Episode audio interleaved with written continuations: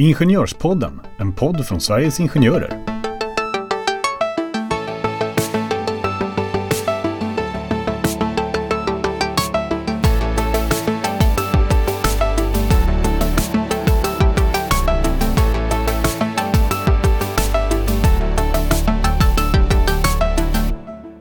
Socialförsäkringsbalken, föräldraledighetslagen, lagen om anställningsskydd. Hur hänger de här ihop? Och hur många perioder på ett år får jag egentligen vara föräldraledig? Kan jag bli uppsagd under tiden som jag är föräldraledig? Och en annan väldigt viktig sak det är att ni inte ska glömma att ni kan prenumerera på Ingenjörspodden. Då får ni en, en ny notis varenda gång det har kommit upp ett nytt avsnitt.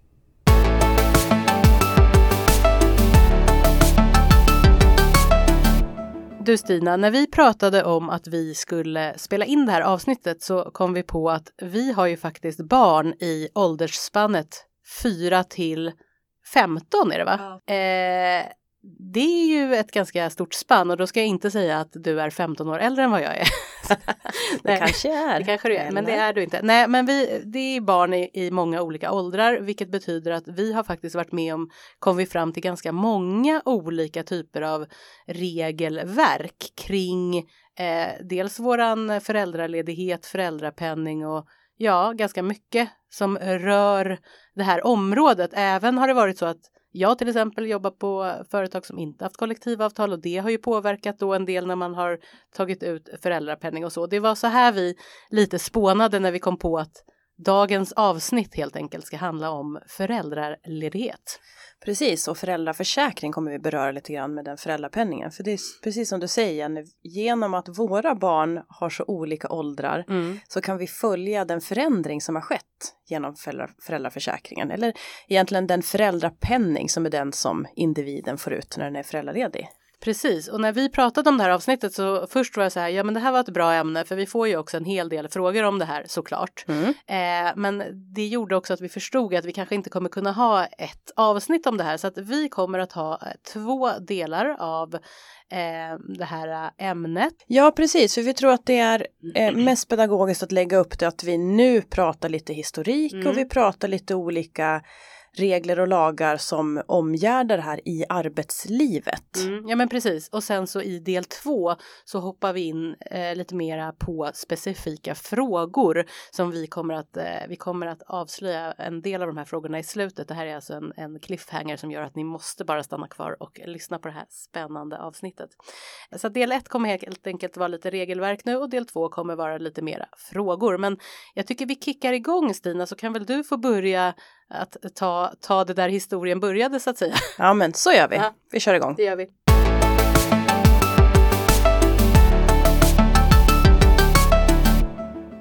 Historiken är ju så här att vi hade en gång i tiden en, en moderskapsförsäkring eh, och det, bara det ordet är mm. så ålderdomligt.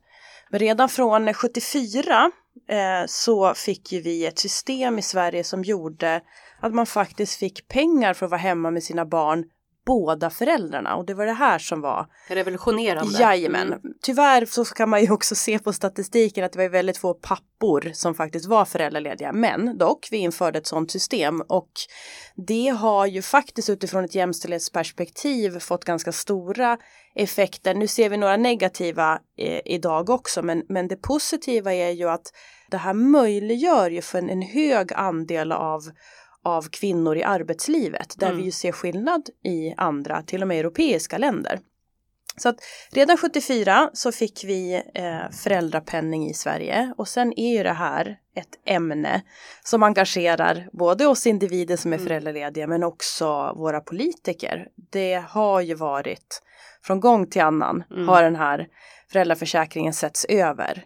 Och du sa ju, nej men du, för jag tänkte på det just det här med hur mycket som förändras. Du sa ju det att ja, men det var ändå mest, det kommer från eh, att det heter moderskapsförsäkring och sen är det mest kvinnor som tar ut det här och man har pratat, eh, ja från olika politiska håll också, att ja men det är mer naturligt för det är kvinnan som ska vara hemma i början och sen pratar man om att man ska kunna dela lika och det införs eh, ersättning för om man delar lika och så vidare ja. och så vidare. Men nu är bara liksom eh, inte det här helt eh, grundat det jag säger kanske, men det här när man införde tre månader Ja. eh, för pappor Ja. som vigdes åt papporna som mammorna inte kunde Ja. eh, komma åt om man säger. Men, men där märkte man ju tydlig skillnad på att pappor faktiskt till stor del tar ut de här tre månaderna. Ja, för det som, det som du sätter fingret på är ju att man har på olika sätt försökt att öronmärka Mm. månader och man Mm. kallar för reserverade månader. Det. Det gjorde man faktiskt redan eh, 1995. Då införde man den första reserverade så kan man inte, jag kan inte överlåta de dagarna för det som är både finessen med vår försäkring och det som också har visat sig ge en, en inlåsningseffekt Mm. är att den är så enormt flexibel. Mm. Eh, vi ska inte bli alltför förtjusta i siffror och bara rabbla det, men vi får ju påminna oss om att det är ändå 480 dagar som man får med ersättning, sen att de är på olika nivåer. Eh, så då har man eh, på olika sätt genom reformer från politiskt håll öronmärkt månader steg för steg och nu har vi ju tre öronmärkta månader som varken om vi hade barn tillsammans kan, Mm. kan ehm, överlåta åt den andra föräldern. Och det har ju gett effekt på, på vad man kallar för det jämställda uttaget. Så det är utifrån det syftet så har det haft en positiv inverkan. Vi kan väl sticka in där att alltså, när vi säger 480 dagar, alltså för någon som inte bor i Sverige så låter ju det som helt eh, osannolikt många dagar. Ja. Men det är som du säger, det är inte så att man får exakt sin lön alla de här dagarna. Men de facto är ändå att du kan vara ledig, helt ledig i 480 dagar. Ja. Ehm, och då om man bara jämför lite, lite grann med Europa för att förstå Ja. hur det ser ut. Jag måste ju rätta det där, du Mm. kan ju inte vara ledig hun- Nej, 480 du måste ha dagar för det var just det där Mm. med, fy, med, med tre öronmärkta månader. Det är sant, men, gör- ja. men gemensamt pratar jag Strunt samma, precis egentligen kan man ju säga så här, det är ju unikt. Det är både unikt utifrån ett, liksom ett nordiskt Mm. perspektiv. Naturligtvis så ser vi liknande system hos våra nordiska grannar men, Mm. men nu, och, nu och då så tar man ju upp USA till exempel där, där det inte finns den här ersättningsmodellen. Det kanske finns en möjlighet att du har rätt att, att inte vara på jobbet, inte f- liksom motsvarande en statlig nivå Mm. men och tittar vi på Europa så har man ju jobbat jättelänge på EU-nivå att försöka få till någon slags ersättning för båda föräldrarna och om jag inte missminner mig så har man nu eh, antagit ett sådant system där, Mm. där eh, man har rätt till ersättning, inte bara mammorna. Så att, återigen, vi påminner oss, vi var här redan 74 Mm. och det är, må vara att det fortfarande är omgärdat av mycket diskussioner Mm. och hur mycket ska man få styra själv och hur mycket ska, ska man från politisk håll gå in och styra och hur många nya utredningar ska man tillsätta för att se över. Mm. Så det, det, är en, det är ständigt Mm. pågående diskussion helt enkelt. Men om man bara jämför, för det handlar ju om per barn då hur mycket föräldrarna kan ta ut. Mm. Eh, och bara för att man, eh, om man inte är insatt i det här systemet Ja. så vi i Sverige har i alla fall ett och ett halvt år. Ehm, och man kanske pratar ungefär fyra månader då i Ja. EU. Bara så Ja. att man förstår det här systemet. Och det är klart att systemet i sig, i och med att det ändå handlar om väldigt många dagar, det kan man ju inte sticka under stolen om Mm. att det är, så påverkar det ju det här Mm. eh, enormt mycket i Mm. hela samhället. På eh, både karriärsmässigt, eh, ekonomiskt, hur strukturen ser ut på arbeten. Mm. Jag menar bara tänk ett vikariat. Att komma in på ett mamma-vik som man kan kalla. Det kan ju vara en fantastisk möjlighet eh, för någon att få komma in för det kan ju vara ett år. Mm. Om man då skulle jämföra eh, i andra länder. Samtidigt så är ju personen i fråga borta, där kommer vi ta upp i del två lite, men man är också borta i ett år. Vad får det för konsekvenser? Så det är ju ganska komplext system. Ja det är det verkligen så det, det finns många olika skyddsregler för den som är föräldraledig men de facto så är det ju en individ som är frånvarande från arbetet en längre tid Mm. och det har vi ju sett ge många olika konsekvenser. Och ekonomiskt kan man ju också säga att, att lika mycket som vi, vi, vi ändå måste hylla att vi har det här fantastiska systemet, Mm. att man måste inte säga upp sig från sitt arbete för att vara hemma med sitt barn och man får fortfarande en ersättning för att vara det så det slår ju också väldigt olika mot olika grupper i samhället. Hur mycket kan man ha råd att vara hemma närmaste Mm. tiden? Vi ser för för de eh, skillnader mellan män och kvinnor i, i hur mycket man tar ut, att det får effekter på pensionen. Så att det här är ju på intet sätt en fråga som bara kan isoleras till, till den delen Mm. att man är hemma en viss tid när barnet är född och sen var det så och sen händer det ingenting mer utan den får verkligen effekter på jättemånga, både olika system och som du var inne på på, på möjlighet till karriär, på mm. löneutveckling och många andra delar. Det kanske kan bli en del tre, men jag tänker att för vi, vi kan nog eh, prata om det här väldigt länge, men jag tänker att vi ska göra lite reklam innan vi hoppar in på lagstiftningen och regleringen kan vi göra lite reklam för Försäkringskassan ja. eh, som både har guider och webbinarium och eh, man kan ju även ringa för den som gärna vill sitta i kö i eh, ja, kanske 45 minuter, men när man väl har kommit fram så kan man ju ibland få en del bra svar. Ja, speciellt för de som ska få sitt första barn mm. så har de jättebra verktyg.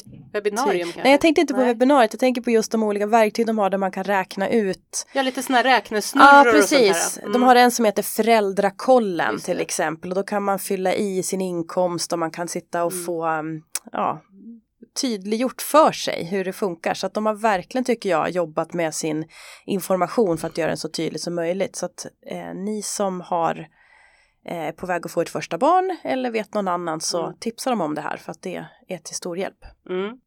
Men om vi, för vi har ju tänkt att vi kommer inte kunna gå in jättegrundligt nu här på all olika typ av lagstiftning, men vi tänker mer att vi går igenom lite vart man kan hitta vad och sen får man själv om man är intresserad eh, gå vidare helt enkelt. Eller höra av sig till vår rådgivning gärna. Och, helt klart, ja, absolut. Fråga om det. Ja. Mm. Men om vi börjar med föräldrapenning som vi har pratat mycket om, ja. eh, vart den beskrivs, eller föräldraförsäkringen som man också kan ja. nämna.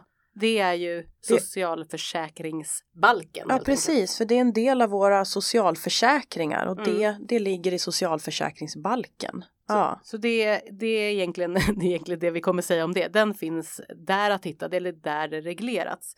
Sen så en lag som vi ofta tittar i som ombudsmän, det är ju föräldraledighetslagen.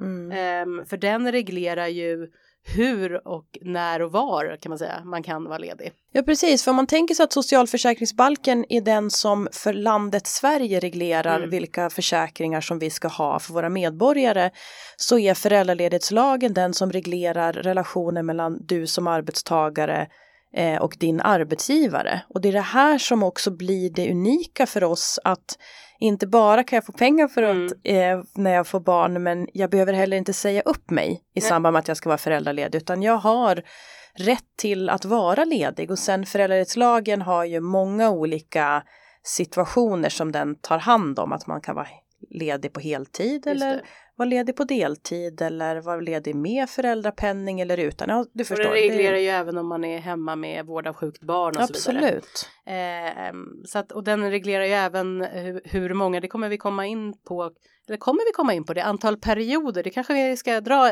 så att man får. Vi nämner det redan nu tycker jag. Vi nämner det nu, för ja. att antal, det är ju en sån här fråga som, som vi får ganska ofta i rådgivningen, att nu ska jag vara ledig här på Eh, jag har varit ledig under sommaren och jag har varit ledig på julen och jag har varit ledig på påsken. Men nu kommer ju eh, Kristi himmelfärd. Ja. Är, är Kristi himmelfärd efter påsken?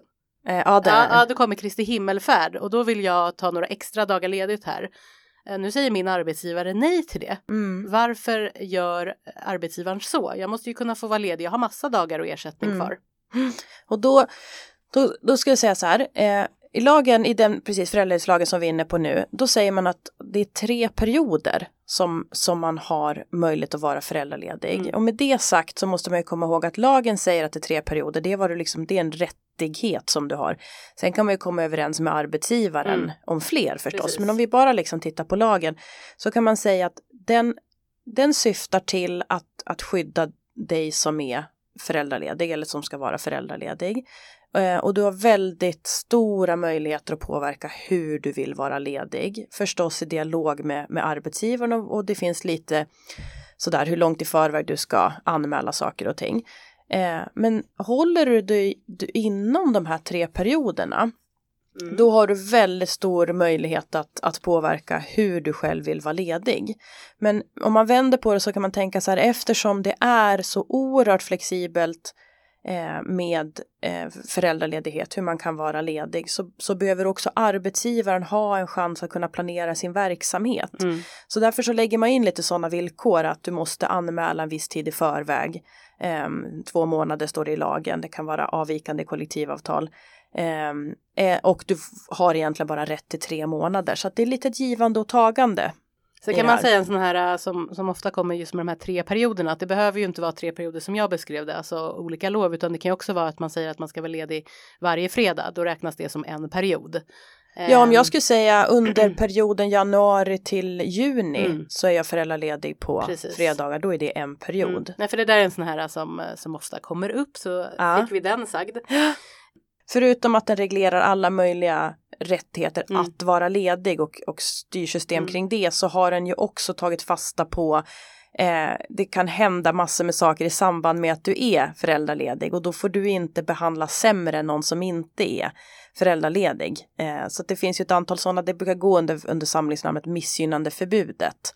Det här kommer vi svara på ett antal frågor i nästa, eh, nästa gång vi pratar om föräldraledighets eh, frågorna för att det här är sånt som berör mm. det. Men man kan tänka sig att lagen syftar till att du ska inte hamna i ett sämre läge på grund av att du är föräldraledig. För jag tänker innan jag hoppar in på LAS då, för vi ska ju också ta upp diskrimineringslagen. Vill du ta upp diskrimineringslagen kanske? I, i ja, men vi gör så. Ja, vi tar den först. Ja, ja, För att man också ska förstå det här enorma eh, rutmönstret mm. av lagar som mm. på olika sätt samverkar. Nej, men, och då är det ju så, eh, Diskrimineringslagen har ju ett särskilt avsnitt där man pratar mycket om det förebyggande och det främjande arbetet och mm. där finns det bland annat skrivningar eh, att det ska vara möjligt att förena föräldraskap och förvärvsarbete. Så eh, stolpet är det uttryckt. Så att där finns det ytterligare ett sätt där man pratar om eh, när du är på jobb och har barn. Kunna hämta och mm. lämna kunna kombinera med kanske att det är olika saker som inträffar på skolan. Så att det på olika sätt så ska arbetslivet inte hindra mm. föräldrar mm. utan man ska jobba. Och det där är ju så som du säger stolpigt för det är ju en sak att man kan hämta och lämna men det är en annan sak om det ligger eh, en underton i att eh, ja eh, det är klart att du kan hämta och lämna men då blir det ju konsekvenser för fast man inte säger det rakt ut då vilka uppgifter du får eller Absolut. Absolut. Mm. Ja. Så att det vi kan säga så här, det finns få situationer i livet som det finns så mycket reglerat till till den föräldralediges eh, fördel. Trots det så kan vi verkligen mm. se både i strukturer och olika normer kring mm. vem, vem som förväntas vara hemma eller vem som förväntas åka hem och hämta den där ungen som har insjuknat mm. och så vidare. Mm. Så att det får man ha med sig hela tiden att, att lagstiftaren har tänkt eh, att det ska bli på ett sätt och sen visar det sig i verkligheten att det kanske inte alltid stämmer och det är väl också förstås en av anledningarna till att den här föräldraförsäkringen ständigt är under lupp. Mm. Att man ständigt funderar på kan vi från politiskt håll göra någonting annat och, och sådär. Ja och att det finns en vilja att, att vilja, mm, som vissa då säger, lägga sig i. Eh, men samtidigt så ser vi att eh, ja, det, det finns en hel del bekymmer och problematik runt regleringen. Det finns eh, tydligt två olika läger mm. om individen ska få bestämma helt mm. själv eller om man ska se på en strukturell nivå vad man ser att det blir för konsekvenser och mm. då vill jag dra åt med tumskruvarna. Mm. Nej, men, och det kan man ju säga att, att det har ju skett en förändring. Vi som har barn i väldigt olika åldrar, du har ju också barn efter 2014 mm. där man ju faktiskt bestämde att nu ska vi öronmärka ett visst antal dagar som måste tas ut Precis, innan barnet fyller fyra. Mm, eh, och det är ju för att, och det här, nu ska inte vi vara för långrandiga för vi kommer kunna gå igång och prata om det här hur mycket som helst, men det är klart att eh, hur systemet har sett ut innan att man kan ha, vara ledig tills till exempel barnet är eh, åtta. Ja, åtta har jag för mina. Precis, mm. åtta har du för mina. Eh, och nu efter 2014 så är det ju fram tills man är 12 år. Mm. Eh, samtidigt har man då reglerat ner att man måste ta ut ett visst antal dagar innan. Alltså det finns ju. Man får spara 20 procent ja. efter så det är en ganska liksom tydlig ja, gräns. Så mm. det återigen, mm. man, man är inne där och mm. petar och, och mm. grejar för att se vad man kan få till för förändringar i samhället. Tillbaka till LAS då? Ja, LAS, lagen om anställningsskydd. Alltså eh, den tydligaste eh, regleringen när vi pratar om just föräldralediga, det handlar ju om vad händer när man, eller får man överhuvudtaget säga upp någon som är föräldraledig och, och vad händer? Och det korta svaret på den frågan är ju att eh, ja, man kan bli uppsagd under sin föräldraledighet, men uppsägningstiden börjar först löpa när man kommer tillbaka. Och det enda trixet i det här, det är att det gäller de som är helt föräldralediga. Mm. Så att är det så att man har någon överenskommelse med sin arbetsgivare att man går in och jobbar till exempel 10 procent mm. för något projekt som man vill eh, slutföra eller hur man nu väljer att göra så lagen träffar inte de personerna, så då omfattas man inte av det skyddet utan det är bara för helt föräldralediga. Mm. Och då kom jag på en, en fin brygga till våran sista lagstiftning som mm. nämligen är semesterlagen. Mm. Därför att det kan vara så att man har någon som blir någon föräldraledig som blir uppsagd under föräldraledigheten och så tänker man att ja, men jag har ändå tagit som en del ändå gör under föräldraledigheten så tänker man att nej, men jag kanske ska byta jobb och så vidare och så vidare. Mm. Och så säger arbetsgivaren, men du kan väl, vi kan ju såklart göra, en, för man kan ju alltid göra en överenskommelse om att man slutar tidigare mm. såklart. Och då kan det vara eh, vissa medlemmar som tänker att ja men det är väl en bra idé och så blir det gjort. Men då ska man ju eh, tänka två gånger och ringa till oss för det är ju så att i semesterlagen eh, så regleras ju intjänande av semester mm. och man tjänar ju faktiskt in semester under sin föräldraledighet. Så det kan mm. ju vara så att man eh, har en massa extra semesterdagar som man i så fall skulle gå miste om. Ja, precis. Så att trots att man faktiskt inte är på jobbet så är delar, inte hela föräldraledigheten, men, men delar av den är och det här har vi alltid sagt och jag blandar alltid in vissa sådana här saker mm. som inte fastnar i mitt huvud mm. och det är ju att eh, man tjänar in eh, 100, är det 180, dag, 180 dagar är för om man är sjuk som är semesterlönegrundande ja. frånvaro och 120 är då för eh, Precis så. Eh, föräldralediga. Och jag tror att eh, vi har sagt det här många gånger i podden och alltid varit tvungen att kolla upp det och så även idag. Men det är bra att vi har Stina här. Så att de första 120 dagarna ja. är semesterlönegrundande när man är Precis, och det är ju, kan man tänka också för att den dagen som man är tillbaka i tjänst, om man har varit borta större delen av ett semesterår, då skulle man ju inte ha tjänat in någonting och då skulle det kunna slå ganska hårt när man är tillbaka i tjänst. Så det är nog ett sätt att, mm. att ändå försöka ta hand om den situationen för att vi behöver ju vila och rekreation även om vi Precis. har varit föräldralediga. Men det eh, blir en fin avslutning här nu med det som egentligen är skälet varför vi sitter här och det är ju att vi är ett eh, fackförbund mm. eh, och vi har en massa kollektivavtal mm. och där regleras ju den här frågan absolut. Absolut ja. Och vad, vad är det som är så bra med våra kollektivavtal och hur det här regleras då? Ja, det som våra kollektivavtal innehåller det är ju en massa villkor eh, men också ett antal försäkringar. Mm. Och där kan man ju se att den föräldralön eller föräldraledighets tillägg som är, är att kollektivavtalen ger ytterligare ersättning till den ersättning som föräldra Nej nu du, Föräldrakassan tänkte jag säga, mm. Försäkringskassan heter mm. de, kanske byter namn. Mm. Eh, nej men utöver föräldrapenningen så kan du få eh, en ersättning från din arbetsgivare under din föräldraledighet och beroende på vilket avtal man har då är det ju olika villkor. Mm. Ska man ha varit anställd en viss tid för att, för att få en viss mängd behöver man jobba en viss tid efteråt eller så. Det ser olika ut mm. så att det behöver man hålla koll på. Men inom privat sektor då är det ju upp till sex månader eh, som man kan få den här extra ersättningen. Och det som jag sa initialt att när jag var föräldraledig så fick jag inte den här extra ersättningen och, och, jag har ju verkligen förstått nu i efterhand att det är ju ändå ganska, det blir ändå ganska stor skillnad huruvida du har kollektivavtal eller inte. Precis, medan jag var på ett ställe som hade kollektivavtal mm. och fick då den ersättningen. Sen, sen utan att bli alltför teknisk i många andra system, men mest för att visa hur pass komplext hela vårt eh, eh, både socialförsäkringssystemen men även de som vi mm. tecknar genom kollektivavtal så finns det också eh, möjlighet att ens eh, intjänande av tjänstepensionen inom eh, ITP framförallt, det är det jag känner till bäst.